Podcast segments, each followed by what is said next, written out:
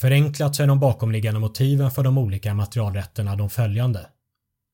Upphovsrätten uppmuntrar till kreativitet och skapande av litteratur och konst, vilket görs genom att det beviljas ideella och ekonomiska rättigheter till skaparen. De ideella rättigheterna möjliggör för upphovsmännen att framförallt motsätta sig förvrängning, förvanskning eller ändringar av ett verk som kan skada anseendet.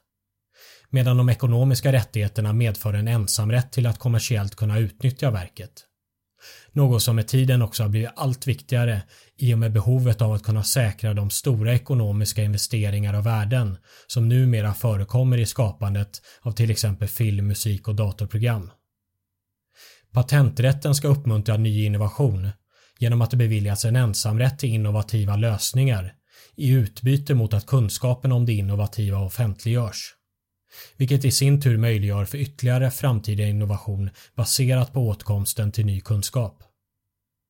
Mönsterrätten ska uppmuntra till ny design och investeringar i ny design genom att bevilja ensamrätt till särpräglad formgivning som förhindrar att tredje man nyttjar sig av produkter som inkorporerar den skyddade formgivningen utan samtycke.